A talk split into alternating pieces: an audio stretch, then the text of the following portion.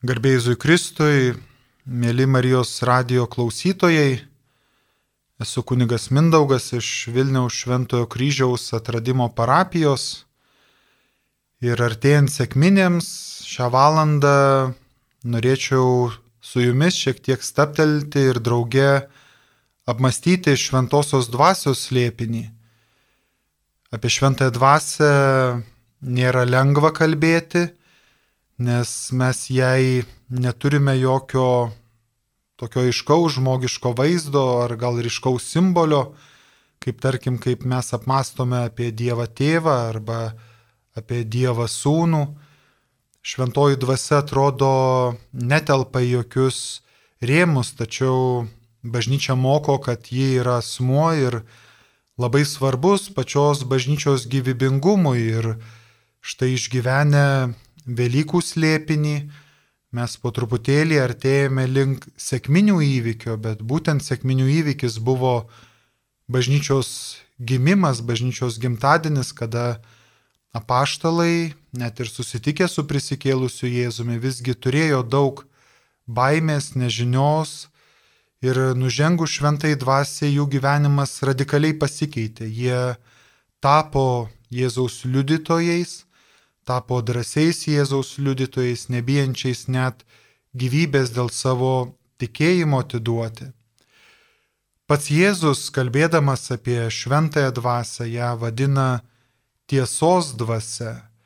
Taip pat jisai sako savo mokiniams, apaštalams, kad štai aš jums atsiųsiu parakletą arba globėją, gynėją, stiprintoją, ramintoją, ragintoją ir tada iš tikrųjų jūs būsite manaisiais mokiniais. Pats šventas raštas, jisai irgi ieško žmogaus patirtyje sutinkamų reiškinių, kuriais galėtų apibūdinti trečiąjį dievišką į asmenį šventąją dvasę. Žinom, kad šventasis raštas naudoja daug gamtos reiškinių jai apibūdinti tikriausiai geriausiai ir mums žinomi šventosios dvasios įvaizdžiai, tai yra, kad ji yra kaip vėjas, ji yra kaip ugnis, kaip vanduo, kaip dvelgsmas, kvepavimas. Ir čia išreiškia šie įvaizdžiai tokį šventosios dvasios dvilipumą, ką mes patiriam irgi skaitydami Evangeliją pagal Joną, kai jisai rašo, kad štai vėjas pučia kur nori, jo šimą girdi, bet nežinai, iš kur ateina ir kur link nueina. Taip esti ir su kiekvienu, kuris gimė iš dvasios. Tai iš tiesų labai dažnai šventoji dvasia yra lyginama su vėju arba kvėpavimu.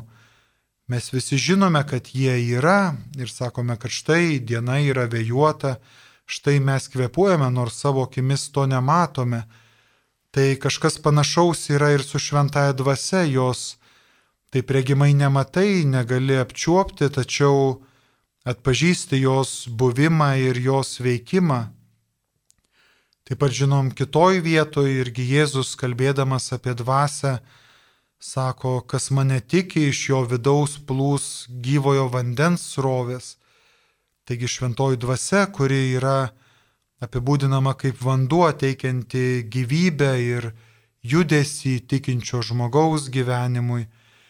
Ir taip pat ji yra lyginama su ugnimi ir čia jau tikrai mums gerai žinoma švento rašto ištrauka iš apaštalų darbų ir pats sėkminių įvykis, kada tie bailūs apaštalai susibūrė drauge vienoje vietoje, ten yra ir Jėzaus motina Marija, jie štai turi tokią šventosios dvasios nužengimo patirtį, kada pasigirdus tokiam užėsiui ir lik jausdami tokį smarkų vėją, jie yra pripildomi šventosios dvasios, kuri jiems pasirodo tarsi ugnies liežuviai, vėlgi, kuri nusileidžia ant jų ir uždega jų širdis kaip po kaitra. Tai iš tiesų matom, kad šventoji dvasia ji yra įvardyjama, tačiau labai nelengvai pasitelkiant daugybę skirtingų įvaizdžių. Dvelkianti kaip vėjas, karšta kaip ugnis, uždeganti žmogaus gyvenimą, bet ir teikianti jam tokią dvasinę gyvybę tarsi vanduo. Šventasis raštas, jisai nuo pat savo pradžių prabyla apie dvasę, galbūt dar tiesiogiai jos iš karto neįvardydamas, bet kad irgi mes kartu suvoktumėm, kad šventoji dvasia tai nėra tarsi toks dieviškas asmo, kuris tiesiog atsiranda kažkokiu būdu sėkminių įvykyje, bet yra nuo pat pradžių, tai yra tas pats Dievas. Iš karto galėtumėm nusikelti į pradžios knygą, į sukūrimo pasakojimą, kur irgi randame užrašytų žodžius, kad štai pradžioje Dievas sukūrė dangų ir žemę, taigi Dievas yra viso pasaulio pradžia, jis yra pirmoji priežastis. Ir rašo štai šventas raštas, kad pradžioje žemė buvo padrika ir dyka, tamsa gaubė bedugnę ir vėjas iš Dievo dvelkė viršum vandenų. Kas yra tas vėjas, dvelkiantis virš netvarkos? Tai yra ta pati šventoji dvasia, kuri po truputėlį chaosą verčia tvarka ir taip iš atskirų elementų pradeda dėliotis pasaulis, pasaulis, kuriame dabar mes kiekvienas gyvename. Ir net paties žmogaus irgi gyvybės atsiradime taip pat dalyvauja šventoji dvasia. Šventasis raštas jau pradžios knygos antrajam skyriuje byloja, kad štai viešpats Dievas padarė žmogų iš žemės dulkių ir įkvėpė jam gyvybės alsavimą. Taip žmogus tapo gyva būtybė. Taigi žmogaus kūnas, organizmas jis gauna dvasę Ir taip žmogus pradeda savo egzistenciją ir buvimą pasaulyje. Dar daugiau, jeigu mes žvelgtumėm šiek tiek į pranašus, tai mes žinom, kad pranašas Ezekielis, jisai kalba, kad irgi šventoji dvasia, ta Dievo dvasia, ji pažadina mirusiuosius, duoda jiems gyvybę. Ir jisai pasidalyja irgi tokia pranašystę, savo viziją Dievo duotą jam, kai jis išgirsta Dievo žodžius, pranašauk dvasiai, pranašauk marusis ir jai sakyk. Taip kalbėjo viešpats Dievas. Ateik dvasiai iš keturių vėjų ir padvelk į tuos užmuštuosius, kad jie atgytų. Ir pranašas tęsė. Pranašavau, kaip man buvo liepta. Ir įėjo į juos dvasia. Jie atgyjo, pakilo ant kojų nepaprastai didelė minė Taigi dvasia, kuri duoda naują vidinį gyvenimą. Pranašas kalba apie žmonės, kurie atrodo, kad štai gyvena, tačiau yra tarsi mirę, jų gyvenimas atrodo neduoda jokios gyvybės. Žmonės, kurie galėtumėm galvoti, gyvena tiesiog dėl paties gyvenimo. Sakytumėm, kiekviena išgyventa diena jiems yra laimėjimas, tačiau kažkur toli didžiojo pagrindinio tikslo žmonės nemato ir štai pranašui kalbant, pranašui iš juos melžiantis, staiga tų žmonių širdis keičiasi, jie yra tarsi atgyję, jie yra gyvybingi. Ir suprantam, kad tai nėra tik tais toksai egzistencinis tų žmonių gyvumas, bet pirmiausia dvasinis gyvumas - išgyventi gyvenimą kaip po dovana. Pats Jėzus apie tai kalbėjo, sakydamas, kad štai aš išimsiu iš jūsų akmeninę širdį ir duosiu jums naują širdį, bet naujinsiu jūs naują dvasę. Ta dvasia, kuri bus jautri gyvenimui, kuri bus imli Dievo žodžiui ir Dievo veikimui. Taigi dvasia ji yra sutinkama įvairiais laikotarpiais ir atsiminkime tuos pačius teisėjus, tokius charizminius tautos irgi lyderius, kurie būdavo Dievo dvasios įkvėpiami tam tikrai misijai, jie atlikdavo tautoje, jie kalbėdavo apie svarbiausius tautai dalykus, jie kartais tikrai buvo jautrų žmogui, kartais matydami, kad tauta nusigrėžė nuo Dievo mokymo, buvo pakankamai griežti ir iš tikrųjų kalbėjo apie Dievo bausmę arba apie pačios tautos gyvenimo būdą, kuris priveda iki didelio atstumo, iki Dievo, tas atstumas po truputėlį tą pačią tautą greuna ir dažnai ta Dievo bausmė tai būdavo pačios nuodėmės pasiekmes tiem žmonėms. Arba štai kai Mozei buvo reikalingi išmintingi žmonės, Dievo žmonės, kad padėtų tvarkyti su visomis Izraelio giminėmis. Jisai taip pat prašė Dievo tokių žmonių ir žinom, kad e, jisai gauna Dievo atsakymą, kad štai te būna visi viešpatie žmonės pranašai, te suteikia viešpats jiems dvasios savosios. Ir jisai gauna 70 žmonių būrį, Dievo įkvėptų būrį, kurie padeda jam vadovauti Izraelio tautai. Taigi Dievo dvasia yra išliejama ant žmonių. Ir štai kai mes jau atsidurėme po Seno testamento, Naujajam testamente, Jėzaus laikuose ir kaip jau minėjom, Jėzus kalba apie šventą dvasę kaip apie tiesos dvasę, apie dvasę globėją, kur, kuri bus atiduota žmonėms. Tai yra didžioji Dievo dovana tiek žmogui, tiek bažnyčiai po prisikėlimo.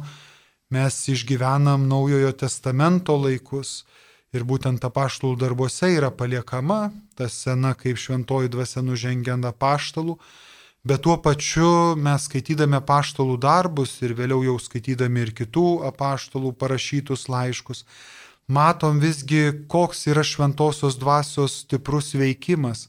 Atrodytų iš tokio mažo būrio Kristaus sėkėjų bažnyčia pradeda ir plisti, ir aukti skirtinguose kraštuose ir, ir ji kažkaip nesunyksta. Mes prisimenam kitą švento rašto vietą, kai šventyklos aukštieji kunigai svarstė, ką daryti su tais pirmaisiais krikščionėmis, ar čia reiktų jau dabar iš karto visus pulti ir naikinti šitą augančią bendruomenę. Ir vienas iš mokytojų sako, iš tikrųjų, jeigu tai yra žmonių darbas, jeigu tie žmonės tiesiog iš savęs yra susibūrę į bendruomenę ir jie čia save priskiria Jėzaus mokiniais ir Jėzaus sekėjais, tai iš tikrųjų, jeigu Dievas nėra su jais, tai labai greitai jie išsiskirstys, išsisklaidys, nes, nes žmonės linkia kurti dramas ir žmogaus trapumas tikrai turėtų pakišti koją bendruomenės plėtimuisi. Ir vienas didžiųjų ženklų tikriausiai ir pačioj bažnyčios pradžioj buvo tai, kad tie skirtingi žmonės, užsidegę tikėjimų žmonės, bet tuo pačiu turintys ir savo gyvenimo matymą, savo stipresias pusės, taip pat ir savo silpnybės, visgi jie išbuvo tose bendruomenėse ir dar daugiau tas Dievo žodis pradėjo vis labiau po pasaulį sklisti, jeigu net žvelgtumėm į mūsų laikus. Tai taip pat galėtumėm pripažinti, kad iš tiesų kiekvienais metais bažnyčios narių skaičius skirtingose pasaulio kraštuose jisai nuolat auga ir tie skaičiai nėra maži. Gal kartais čia gyvenant Europoje mums susidaro irgi tokia nuomonė, kad štai galbūt bažnyčia jį šiek tiek sensta arba ji nemoka prabilti šių laikų žmogui, atrodytų, kad mažiau žmonių ateina į bažnyčią, bet jeigu žiūrėtumėm bendrai į bažnyčią, į ją visuotinę esančią skirtinguose kraštuose, ar žvelgtumėm į Pietų Ameriką ar į tą pačią Aziją, kur šiuo metu tikrai žmonės labai godžiai skaito šventą raštą, tikrai šaukėsi Dievo, kad jisai veiktų jų gyvenime, darytų per juos savosius darbus, pamatytumėm, kad bažnyčia yra labai dinamiška, labai gyvybinga ir tikrai Dievo dvasia, net ir šiandieną ji atranda būdų veikti bažnyčioje. Ir iš tikrųjų ji yra čia ir dabar realiai veikianti, ne tik kažkada sėkminių įvykyje, kada štai tarsi liepsna jį nužengiant apaštalų. Tai irgi galbūt yra vieta kiekvienam iš mūsų mąstyti, kiek mes šių dienų krikščionys išmokstam ir mokam priimti šventosios dvasios veikimą, ar tikrai ta galimybė pasiekti tikėjimo žinę, turėti galimybę daug skaityti apie tikėjimą, šiek tiek neuždaro mums ir tokių dvasinių vartų šventosios dvasios veikimui, kai štai jau atsiradus ir katechezėm, ir galimybėm daugiau sužinoti apie savo tikėjimą, atrodo daug tų atsakymų savo gyvenime jau susidėliojam, bent jau apie tikėjimą ir atrodytų gal jau čia ir būtų gana, jau turiu tam tikrą savo ritmą, čia štai kasdienis gyvenimas, čia mano kasdieniai rūpešiai, yra kasdieniai įsipareigojimai. Na ir dar turiu tam tikrą tokį saugų irgi tikėjimo išgyvenimą, kad štai ir lankausi sekmadienį šventosiuose mišiuose, turiu savo tokius maldos momentus ir tai iš tikrųjų yra gerai. Tai yra žmogaus kelionė kartu su Dievu, kur Jėzus kvietė apaštalus daryti tokį vidinį žingsnį, kad, e, na, vat, netapti tokiais nevaisingais arba šiek tiek apmirusiais, kur viskas yra saugu ir tiesiog tą laiką išbūnu. Ir tai nėra paprasta, nes, e, kaip ir byloja šventasis raštas, šventosios dvasios ateimas apskritai į žmogaus gyvenimą, jisai nepadaro žmogaus gyvenimo tik tais tokiu labai ramiu ir saugiu. Labai dažnai priešingai žmonės, kurie patiria artimą šventosios dvasios išliejimą ar prisilietimą prie jų gyvenimo, jie labai dažnai byloja, kad tada gyvenimas jisai tampa audringas, jisai tampa drama, galbūt šiek tiek skirtinga drama nei mūsų ištinkantis įvairiausi iššūkiai kasdienybėje, bet tai tampa tokia didžiaja drama dėl mūsų pačių gyvenimo ir mūsų pasirinkimų, kuriuos darom kiekvieną dieną, nes šventoji dvasia ji be perstojo tave skatins dalinti savo gyvenimą kitiems, rūpintis kitais. Ir tas rūpinimosi laukas, jisai taps su kiekviena diena vis didesnis ir kai kada iš tikrųjų atrodys, kad, na, o kur tas mano saugus gyvenimas, tarsi jo nebeturėčiau. Ir čia žmogus susiduria su tokiom dviem patirtim. Iš vienos pusės tai yra toksai dvasinis džiaugsmas, kad man pavyksta, man yra įdomu gyventi, aš ieškau progų, kaip pildyti savo tikėjimą ir niekada nežinau, kas manęs laukia kitą dieną, nes aš esu atviras Dievo dvasios įkvėpimams. Iš kitos pusės reikia pripažinti, kad kartais norėtųsi šiek tiek saugiai eiti per gyvenimą, ramiai eiti per gyvenimą. Tai to Jėzus nepažadėjo. Dvasios ramybė, kuri ateina, jie ateina pirmiausiai tikriausiai dėl suvokimo, kad mūsų gyvenimas yra Dievo rankose ir mūsų gyvenimo pradžia ir pabaiga ji yra apgaubta Dievo ir kad paties žmogaus vertingumas yra nepakeičiamas dėl kokio nors žmogaus įvertinimo ar neįvertinimo, dėl kokio nors žmogaus džiaugimosi mumis ar niekinimo mūsų. Mes esam vertingi todėl, kad esam žmonės, kad esam Dievo kūriniai. Tai toks vidinis, pamatinis ramumas, kurį duoda dvasia kiekvienam Kristaus sekėjui ar sekėjai. Ir iš čia mes galbūt irgi galėtumėm vertinti tuo paštalų pasikeitimą, kada štai tie atrodytų tokie bailūs augę žmonės, žinantis, kad e, pradėjimas viešai rodyti savo tikėjimu, jisai gali užtraukti ir kitų žmonių panieką, ir nesupratimą, ir atstumimą. Jie bandė išlaikyti saugų savo gyvenimą, ieškoti išeičių, Bet štai šventosios dvasios nužengimas su ta liepsna, pirmiausia, ką duoda, tai duoda saugumą dėl jų pačių gyvenimo, kad kas be nutiktų, jie vis tiek susitiks su viešpačiu, su viešpačiu, kurį jau pažįsta, kurį jie sekė, su kuriuo bendravo, galvokime apie savo maldą. Kartais mes irgi galvojam apie gyvenimo pabaigą ir iš tikrųjų taip jau žmogiška prasme tai natūralu, kad mes kiekvienas savo gyvenimo pabaigos ir bijom, nes yra nerimas, mes nežinom, kaip keisis ta mūsų žmonių egzistencija. Bet čia ateina šventoji dvasia ir prabyla, taip, bet mes susitiksim su viešpačiu ir su ne bet kokiu viešpačiu. Tai nebus mums nepažįstamas Dievas, bet tai bus Dievas, apie kurį mes skaitėm šventajam rašte, tai bus Dievas, su kuriuo mes bendravom savo maldoje, kurio šloviai ir garbiai mes darėm tikėjimo darbus tam, kad save kaip žmonės kaip Dievo kūrinius mes paruoštumėm amžinybei. Taigi šventoji dvasia ir jos dovanos, jos veikimas, jisai nėra skirtas tik tais tam tikram apaštalų ratui ir tam tikram apaštalų būriui, bet šventoji dvasia tai yra Jėzaus dovana kiekvienam žmogui, kuris seka Jėzų Kristų ir nori būti gyvybingas toje sekimo Kristumi kelionėje. Tai iš vienos pusės šventoji dvasia yra, kuri išlaiko vieningą bažnyčią, jie, jie išlaiko gyvybingą, kad ir kas bažnyčioje bevyktų, jie randa būdų irgi išlaikyti bent jau tam tikrą dalį bažnyčios narių, tikrai užsidegusių maldo žmonių, drąsiai savo tikėjimą liudijančių žmonių, bet tuo pačiu jį paberia ir leidžia tikinčiajam atpažinti daugybę skirtingų charizmų Nes kiekvienas žmogus, kuris gimsta, jisai yra unikalus ir jo paties kelionė bus unikali. Tad šventoji dvasia, būdama ir tvarkos, kurie į kartu yra be galo kūrybiška dvasia, prisitaikanti prie žmogaus ir tam gyvenimo etape, kuriame dabar tas žmogus yra, bet taip pat ir padedanti jam išryškinti vienas ar kitas dovanas, tiek kiek žmogus tą dieną yra arba tam savo gyvenimo etape nusprendęs Dievui atiduoti ir kiek jo dovanų priimti. Taigi Dievas per prievartą nei vieno žmogaus nestumia tokiam giliam tikėjimui, drąsiam tikėjimui, tačiau yra visą laiką šalia ir laukia kiekvieno iš žmonių ir kvietimo, bet ir atsakymo. Taigi ir mes čia randam to paties apaštalo Pauliaus liūdėjimą, kada jisai sako, štai esama skirtingų malonės dovanų, bet visą laiką bus ta pati dvasia.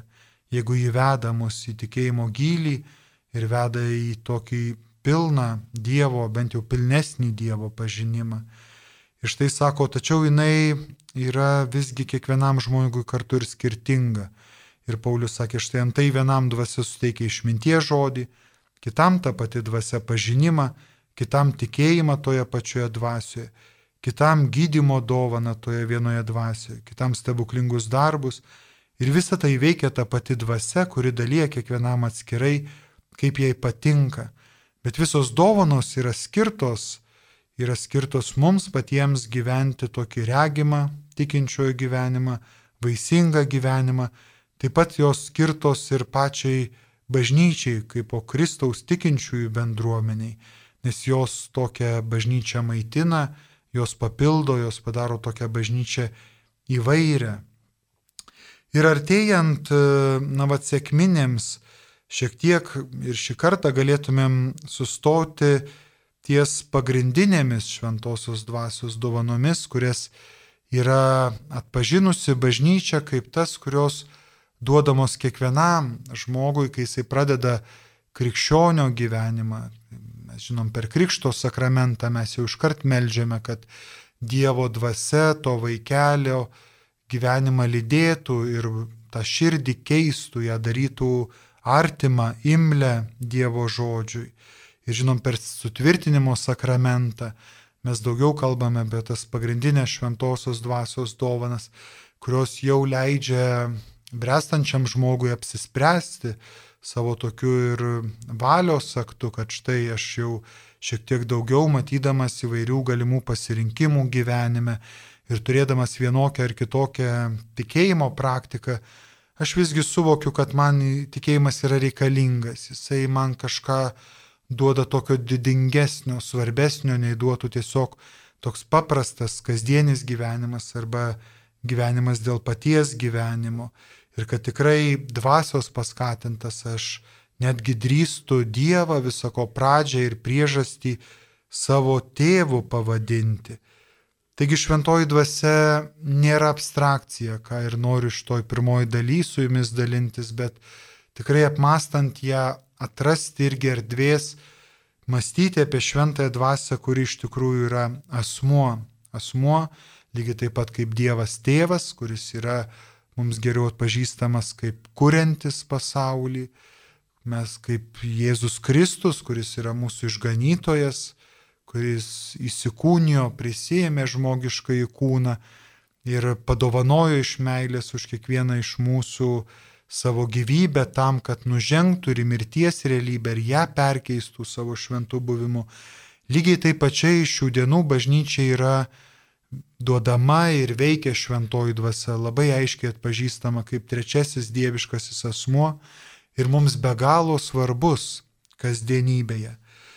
Taigi, kaip jau minėjau, tų dovanų yra be galo daug, jos yra labai skirtingos, kai kurias atpažįstame tik tais mes patys savo tikėjimo kelioniai skirtinguose etapuose, kaip kad tikriausiai tiems mano minėtiems teisėjams, apie kuriuos kalbam Senajame testamente, teisėjų knygų jie nebuvo tik tais tie žmonės, kurie teisė, kas yra geri ar blogi, bet teisėjai buvo tie charizminiai lyderiai, kurie atpažindavo dovaną vesti tautą.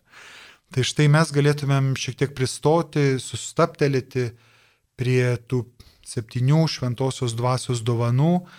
Popiežius Pranciškus e, savo pontifikato pradžioj, pradėdamas popiežiaus tarnystę, jisai buvo skyręs tam tikrą laiką apmastyti šventosios dvasios dovanas ir dalyjosi su tikinčiaisiais savo išvalgom, tai noriu dalintis popiežiaus Pranciškaus išvalgomis apie šventą dvasę kartu su jumis. Tai bus toks irgi vienybės mūsų su vyriausiųjų ganytojų ženklas ir labai geras laikas šiek tiek ir savo širdis prisimenantas šventosios dvasios pagrindinės dovanas, ruoštis sėkminių įvykių ir melstį šventosios dvasios veikimo mūsų gyvenime atnaujinimo.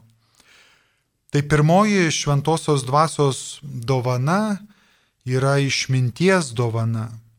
Ir iš tikrųjų išmintis yra be galo svarbi mums gyvenimo kelioniai, nes įvairių patirčių mes sulaukiam kiekvieną dieną ir niekada negali būti tikras, kas tavęs laukia kitą dieną.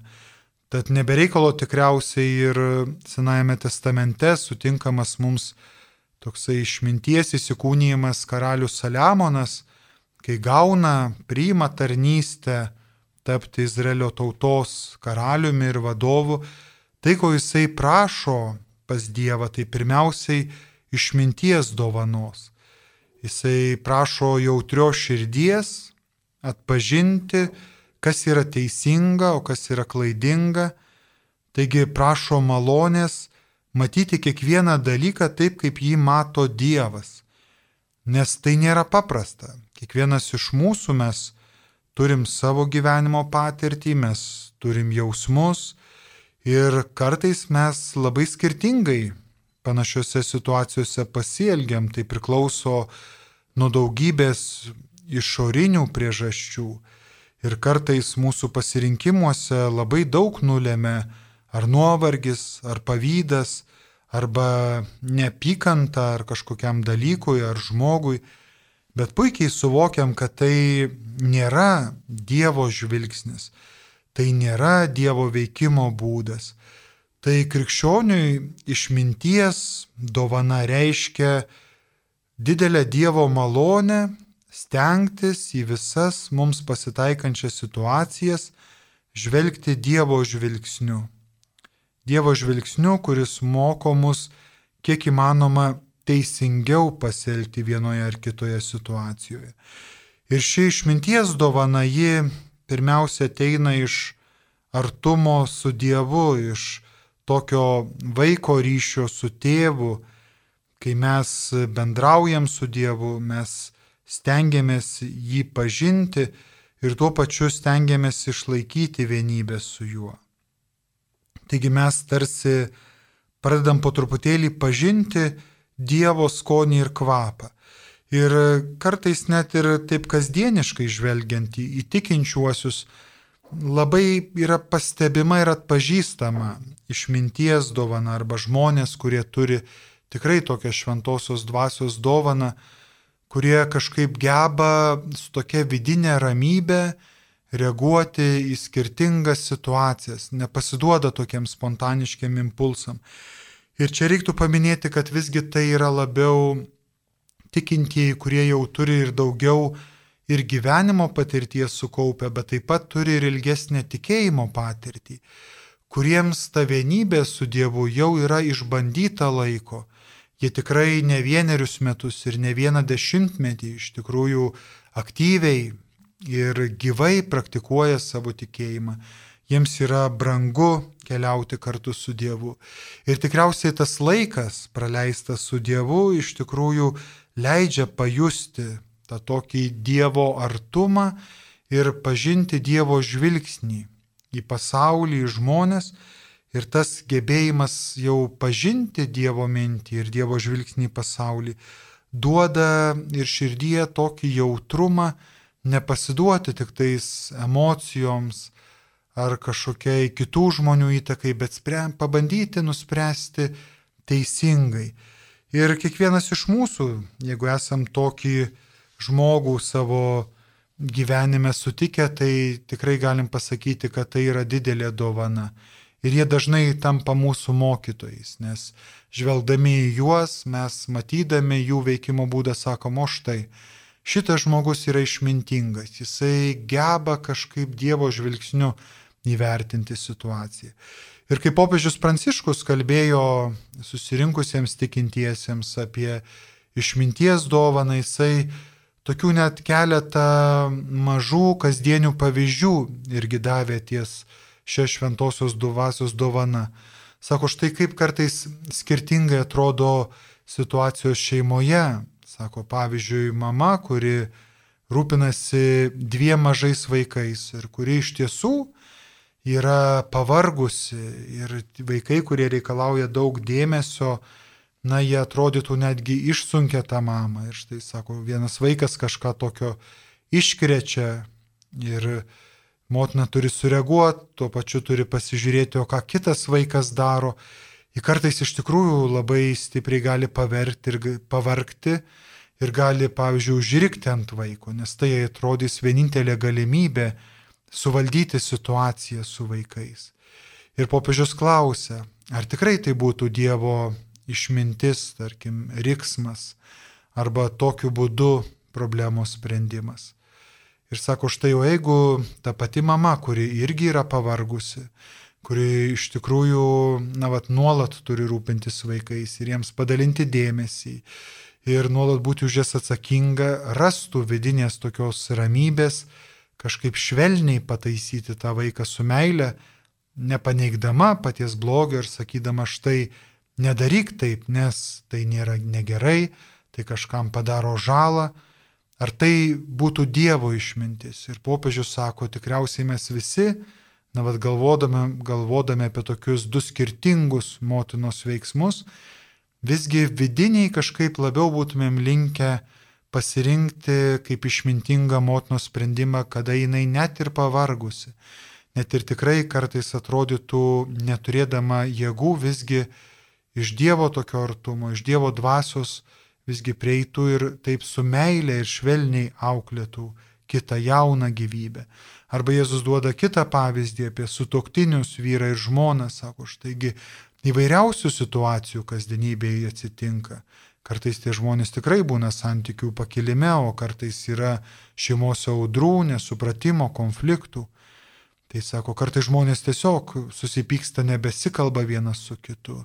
Arba žiūri vienas į kitą iš padilbų, tarsi iš aukšto, laukdamas tik kito atsiprašymo, pasikeitimo. Ir atrodytų laikas juda, dienos eina į priekį, nesvarbu, kokios jos bebūtų žmogaus patirtį. Ir sako, tas toks tylėjimas, nenorėjimas ieškoti susitaikymo, ar tai būtų Dievo išmintis. Tai tikriausiai būtų žmogaus išmintis, kuris nori patenkinti savo egoizmą, savo saugumo, savo įvertinimo jausmą. Ir sako, visai tikriausiai kitaip atrodytų, jeigu bent vienas iš tų sutoktinių, geriausia, aišku, jeigu būtų tą abu galėtų padaryti, galėtų tarti vienas kitam, kad štai audra praėjo, tai buvo tas toks jausmų pliūpsnis, sureagavom stipriai, susipykom, turim kiekvieną savo pozicijas, bet bandykim taikytis. Bandykim ieškoti bendrų taškų ir toliau eiti per gyvenimą, nes laikas yra didžioji Dievo dovana duota mums. Ir vėlgi tikriausiai širdis labiau kryptų link tokio problemos sprendimo. Taigi šventosios dvasios išminties dovana, ji nėra tik tokia irgi bendra tarsi tokia, kuri tik aprašoma kažkur ar šventam rašte, ar knygose, bet ji išgyvenama labai praktiškai ir kiekvieną dieną, kai mums reikia daryti sprendimus. Tai iš tikrųjų tikriausiai išminties dovanos troškimas irgi randa kiekvieno iš mūsų krikščionio irgi maldoje vietos, kad mes prašytumėm na, vat, kasdienius dalykus regėti Dievo akimis, juos jausti Dievo širdimi ir kalbėti Dievo žodžiais. Antroji šventosios dvasios dovana, einanti kartu po išminties dovanos, tai yra supratimo dovana. Vėlgi supratimas, kuris e, ir popiežiaus žodžius atsispindėjo, nėra tik tais toksai, na vad, žmogaus išvalgumas arba toksai intelektinis gebėjimas, kurį, na, turim daugmaž kiekvienas iš mūsų, bet e, supratimo dovana ji kažkaip leidžia į tokius irgi kasdienius dalykus šiek tiek žvelgti iš tokių Dievo pozicijų ir juose atpažinti Dievo planą bei Dievo mintis paliktus tiek pasauliui, tiek žmogui. Apaštalas Paulius, apmastydamas supratimo dovaną, jisai ją išreiškė tokiais žodžiais ko akis neregėjo, ko ausis negirdėjo, kad žmogui net į mintį netėjo, tai paruošė Dievas tiems, kurie jį myli. Dievas mums tai apreiškė per dvasę. Iš tiesų, kai galvojam apie supratimo dovaną, tai vėlgi galėtumėm mąstyti apie tokias savo kasdienės patirtis, kad rodo štai vienokie ar kitokie susitikimai įvyksta su žmonėmis, vienokios ar kitokios patirtys aplanko mane, štai vienas man yra draugiškas, bičiuliškas, čia kažką mes gražiau savo bendrystę sukūrėm, galbūt susitinku žmonės, kurie man yra priešin, priešiški ar nemokantis manęs išklausyti, galbūt nevertina manęs taip, kaip aš tikėčiausi, kad jie mane vertintų. Galbūt man e, nėra lengva apsispręsti, ar vienas ar kitas darbas, ar tikrai man bus pagalba per gyvenimą, arba kažko mane išmokius tokio, kas man svarbu, einant per gyvenimą, ar kaip tik netaps man tokia kasdienybės našta ir kančia. O jeigu kartais man darbas tiesiog yra reikalingas tik tais tam, kad aš galėčiau saugiau jaustis kasdienybei, kad galėčiau mm, prasimaitinti, kad galėčiau kažką nusipirkti, kas man yra reikalinga, bet tarsi manęs kažkaip taip dvasiškai nedžiugina.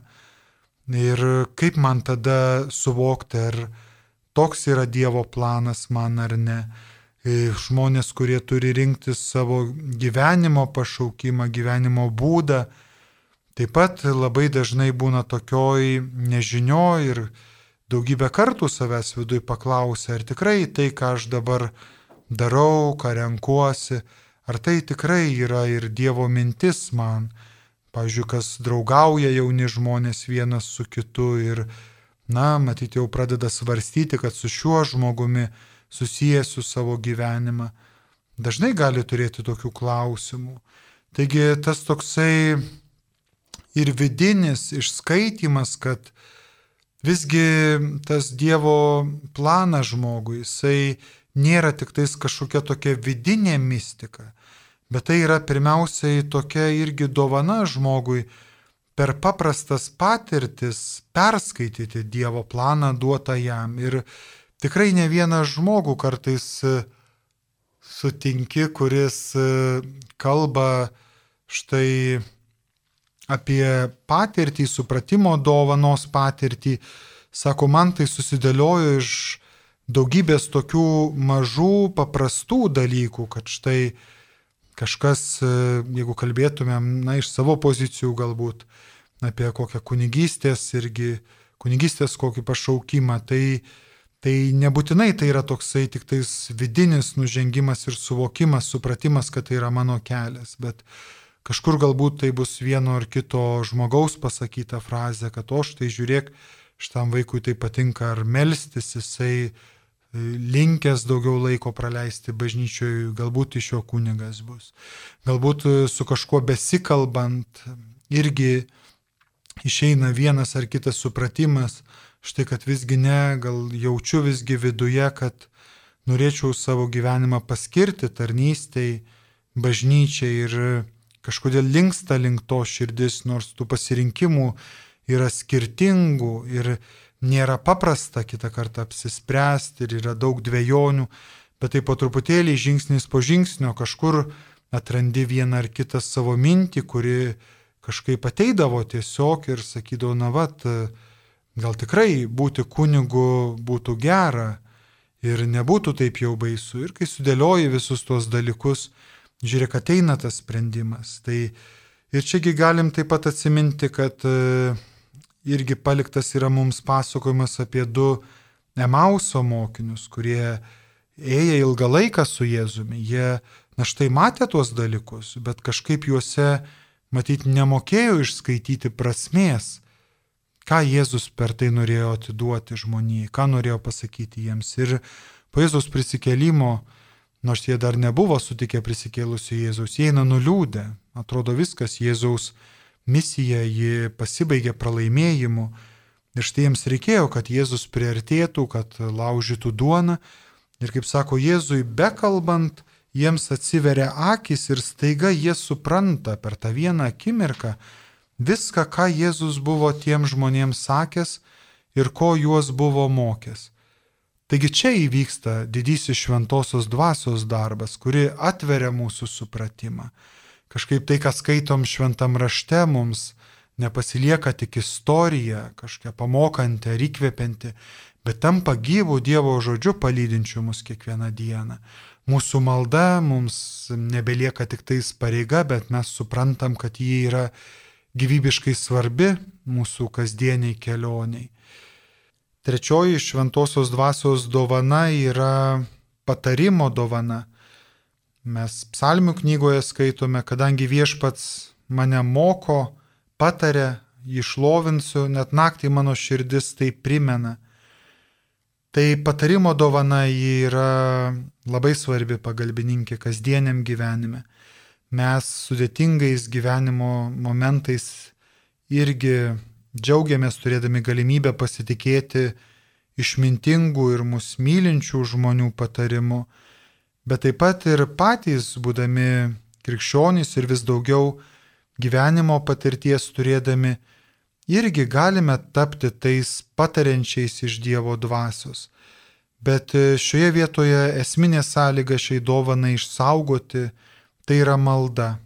Malda, kurioje mes su Dievu kalbame, kurioje mes su Dievu tariamės, Dievui pavedame daug dalykų ir tikrai šalia tų užrašytų ir mums brangių maldų nebijome tiesiog prašyti viešpaties viešpatie, padėk man, patar, ką dabar turiu daryti. Tai vėlgi nepasitikim tik tai savo pirmą šaunančią mintimį ir ją atsakom, arba atsakom tik todėl, kad žmogus būtų pamalonintas ir eitų savo keliais, bet kai kalbam su kitu žmogumi, kai norim jam kažką pasakyti, kad mes tą darytumėm irgi vienybėje su Dievu ir Čia prisiminkime kitą Jėzaus irgi pasakymą ir ištrauką, kai jisai sakė, nesirūpinkite, kaip ar ką kalbėsite, nes tą valandą jums bus duota, ką turite pasakyti. Tada jau nebe jūs kalbėsite, o jūsų tėvo dvasia kalbės lūpomis. Tačiau, kaip ir minėjau, ta sąlyga tai turėtų būti kasdienė mūsų malda ir kasdienis ryšys kartu su Dievu. Jeigu žvelgtumėm šiek tiek toliau, tai po išminties, supratimo ir patarimo dovanos mes turime tvirtumo dovaną. Tvirtumo dovana, kuri yra be galo svarbi, ypatingai šiuo metu ir mūsų visuomenėje, kai nėra taip jau lengvai priimama, kad esi krikščionis, kad esi karštai tikinti žmogus, kad daug savo laiko tu skiri bendrystėj su Dievu. Ir labai skirtingose vietose, ne tik kartais, kad kaip žmonės liūdija ar darbe, ar kokiam bičiulių rate, bet kartais net pačioje šeimoje nėra paprasta liūdyti savo tikėjimą ir žinom, kiek žmonių turi tarsi tokioj slaptoje, tarsi tyloje laikyti savo tikėjimą, kai grįžta į savuosius namus, nors tikėjimas jiems yra pati brangiausia dovana. Tai čia iš tikrųjų mums didelė parama yra visų bažnyčios kankinių liūdėjimas. Tų žmonių liūdėjimas, kurie tikrai gavo tokią ramybę ir tvirtumą savo dvasioje dėl savo buvimo čia pasaulyje ir nieko nebijojo ir su tokiu dvasios tvirtumu liudijo savo tikėjimą, žinodami, kad iš tikrųjų ėjimas tikėjimo keliu jiems kasdieniuose santykiuose gali labai daug kainuoti. Tačiau dėl tokio savo gyvenimo, radikaliai tvirto gyvenimo, tie žmonės tampa mums taip pat didžiaisiais pavyzdžiais gyvenimo kelionėje. Ir tikrai nereiktų manyti, kad tie tvirtumo dovana turintys ypatingai pirmosios bažnyčios kankiniai, bet net ir mūsų laikų kankiniai, kad jie yra kažkokie išskirtiniai žmonės arba tam tikrą prasme tokie antžmogiai, kurie jau gimė labai tvirti. Dauguma jų turėjo ir baimės, ir silpnumų, tačiau Dievo dovana perkeitė jų širdis ir padarė juos tvirtus. Toliau sekanti šventosios dvasios dovana tai yra žinojimo dovana. Kai kalbame apie žinojimą, tai mintise iškyla toks žmogaus gebėjimas vis daugiau sužinoti apie supančią aplinką ir dažnai sakom, žmogus daug žino, tas, kuris yra labai apsiskaitęs arba daug įvairiausių švietimo, ūkdymo įstaigų baigęs, žino daug kalbų, labai daug skirtingų klausimų gali atsakyti. Šventosios dvasios žinojimo dovana. Ji pirmiausia kviečia mumise įgyti nuostabos dėl kūrinijos sudėtingumo, dėl kūrinijos gerumo ir jos grožio. Ir čia kyla toks nuolatinis noras Dievą šlovinti. Matant, kad kiek tu daugiau pažįsti kūrinyje, iš tikrųjų tiek pamatai jos ir suderinamumą, bet ir sudėtingumą. Ir tai iš tikrųjų kelia didelę pagarbą Dievui. Dievui tam, kuris visam tam davė pradžią. Ir kaip šventas raštas bylojo pradžios knygoje, visgi sakė, kad tai yra gera. Kur mes gyvenam, pasaulyje, tai yra iš gerumo sukurti dalykai ir jie mus kviečia Dievą šlovinti ir Dievų stebėtis. Ir šioje perspektyvoje iš tikrųjų ir popiežius pamini, mes galime priimti vyrą ir moterį kaip kūrinijos viršūnę, kaip meilės plano, kuris įspaustas kiekviename iš mūsų įgyvendinimą. Ir mes galime atpažinti vieni kitus kaip brolius ir seseris, kai nerūpi tik mano reikalai, o visa kita tarsi duotybė. Tačiau viskas man yra susiję, todėl man viskas tampa svarbu Netgi žmogus, kuris nesusijęs su manimi giminystės kraujo ryšiais, jisai gali man tapti broliu bei sesę. Viena moteris, čia popiežius Pranciškus irgi palieka tokį liūdėjimą, ypatingai kalbėdamas ne tik apie mūsų tarp asmeninį santykį, bet apie santykį su kūrinyje, jisai duoda tokį pavyzdį. Ta moteris jam buvo pasakiusi, Štai mes turime rūpintis gražiais dalykais, kuriuos Dievas mums davė. O ji tuo metu iš tiesų rūpinosi tokiu gražiu gėlių krūmu. Jis sakė, kūrinė mums duota, kad jie tinkamai naudotumės. Ne tam, kad tik ją eksploatuotumėm, bet kad saugotumėm. Dievas viską atleidžia, mes žmonės atleidžiam kartais, bet kūrinė niekada netleidžia. Jeigu jie nesirūpinsime, ji mus sunaikins. Taigi štai šventosios dvasios žinojimo dovana, ji iš tikrųjų leidžia mums taip labai praktiškai išgyventi, kad kūrinyje yra gražiausia Dievo dovana ir joje elgtis atsakingai visgi yra teisingas kelias žmogui. Toliau einanti dovana yra maldingumo dovana. Maldingumo dovana, kuri nėra tik tais daugelio maldų žinojimas arba labai daugybės, daugybės liturginių praktikų turėjimas savo gyvenime, kad štai esu aplankęs daug šventų vietų, daug bažnyčių, daugybėje šventųjų mišių dalyvavęs. Maldingumo dovana yra glaudžiai susijusi su romumu, kuri mums primena, kad ne tik skaičiai, ne tik tais tam tikros praktikos svarbios dėl savęs, bet pirmiausiai tai yra mano santykis ir bendrystė su Dievu, kuris galbūt pradžioj yra apribotas mūsų pačių nuosprendžių, kad štai mes Dievui skirsim tiek tiek minučių dienos pradžioj, tiek tiek minučių pabaigoj, pabaigoj, mano tikėjimo darbai bus e, skirti man artimiausiam, brangiausiam žmonėm, paskui bus kasdienybės reikalai ir iššūkiai.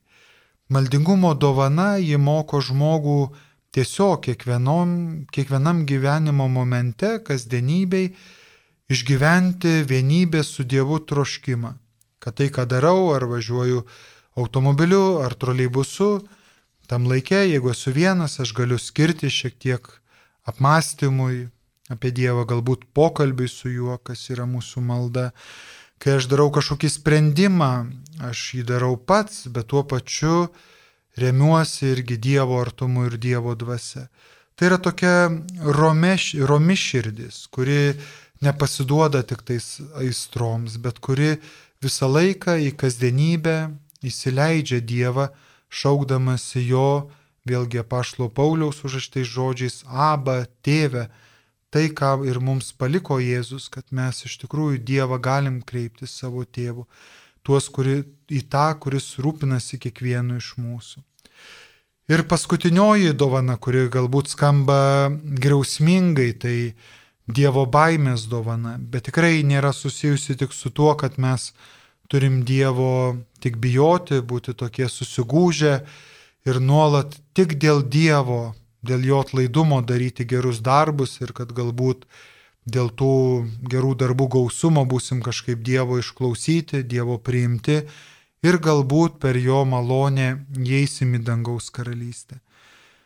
Dievo baimė yra suprantamas kaip pagarbus buvimas su Dievu, pagarbios mintys apie Dievą, Dievo kaip po tokio nesukasdieninimas, nenuvalkiojimas jo vardo. Taigi Dievas, kuris turi tam tikrą svarbę vietą irgi mūsų buvime. Kai mes kreipiamės į Dievą, mes šiek tiek atsitraukiam nuo kasdienybės. Mes ieškom pačių giliausių dalykų savo egzistencijos. Taigi ir mums Dievas yra svarbus dėl to, kad net jeigu Dievui mes linkę suteikti tokius mums apčiuopiamus įvaizdžius ir mes apie Dievą mastom savo tokiom suprantamom minties kategorijom, kad Dievas štai yra geras kaip tėvas, kad yra globojantis, kad yra išklausantis, kad yra atleidžiantis, gailestingas, visgi Dievas yra tobula dvasia ir labai galinga dvasia, dvasia, kuri duoda nebučiai būti. Ir tokia dvasia, kurios net mūsų protas negali apriepti ir iki galo suvokti. Taigi tas Dievas, kuris kažkiek mums yra pažįstamas, visgi jis yra daug dėdingesnis, tikriausiai ne mes galėtumėm suprasti. Ir iš to kyla tokia pagarba Dievo, bet pagarba Dievui kaip po mylimam mūsų pačių, ne kažkam nuolat mus baudžiančiam, nuolat persiekiojančiam, Bet ne, Dievui, kuris taip yra labai galingas, bet kartu mūsų mylimas ir kuriam mes patikim savo gyvenimą. Taigi pagarbi Dievo baimės dovana iš tikrųjų mus irgi moko atsirinkti tam tikrus kasdienius dalykus ir kitą kartą net ir norint pasirinkti labai sąmoningai nuodėmingą gyvenimą arba nuodėmę, tarsi pasislėpti nuo Dievo, Karsiai, kartais ta pagarba Dievui išlaikyta ir turima per gyvenimo patirtį. Vien jau mintis apie Dievą gali sulaikyti mus nuo vienos ar kitos nuodėmės. Tad e, pabaigoje šaukime su bendra senaja bažnyčios malda, kad Dievas būtų mūsų gyvenime su savosiomis dovanomis ir šalia šių septynių dar mums leistų atpažinti ir kitas, kurias kiekvienam iš mūsų palieka kad mes per šitą gyvenimą turėtumėm geruosius pagalbininkus, einant link vienybės su Dievu į jo amžinybę. Dėkoju Jums, brangieji Marijos radio klausytojai, kad šią valandą pasilikote drauge, kad turėjome galimybę bent jau šiek tiek stapteldyti prie šių didžiųjų šventosios dvasios dovanų. Te būna tai mums bent jau mažas impulsas šioje kelionėje link sėkminių įvykio, O kai jau šventoji dvasia nužengia, ji pati kaip tiesa prabyla apie kiekvieną savo dovaną kiekvienam iš mūsų. Dėkoju Jums. Šią valandą su Jumis buvo kunigas Mindaugas iš Vilniaus Šventojo kryžiaus atradimo parapijos. Dėkoju kiekvienam iš Jūsų su Dievu.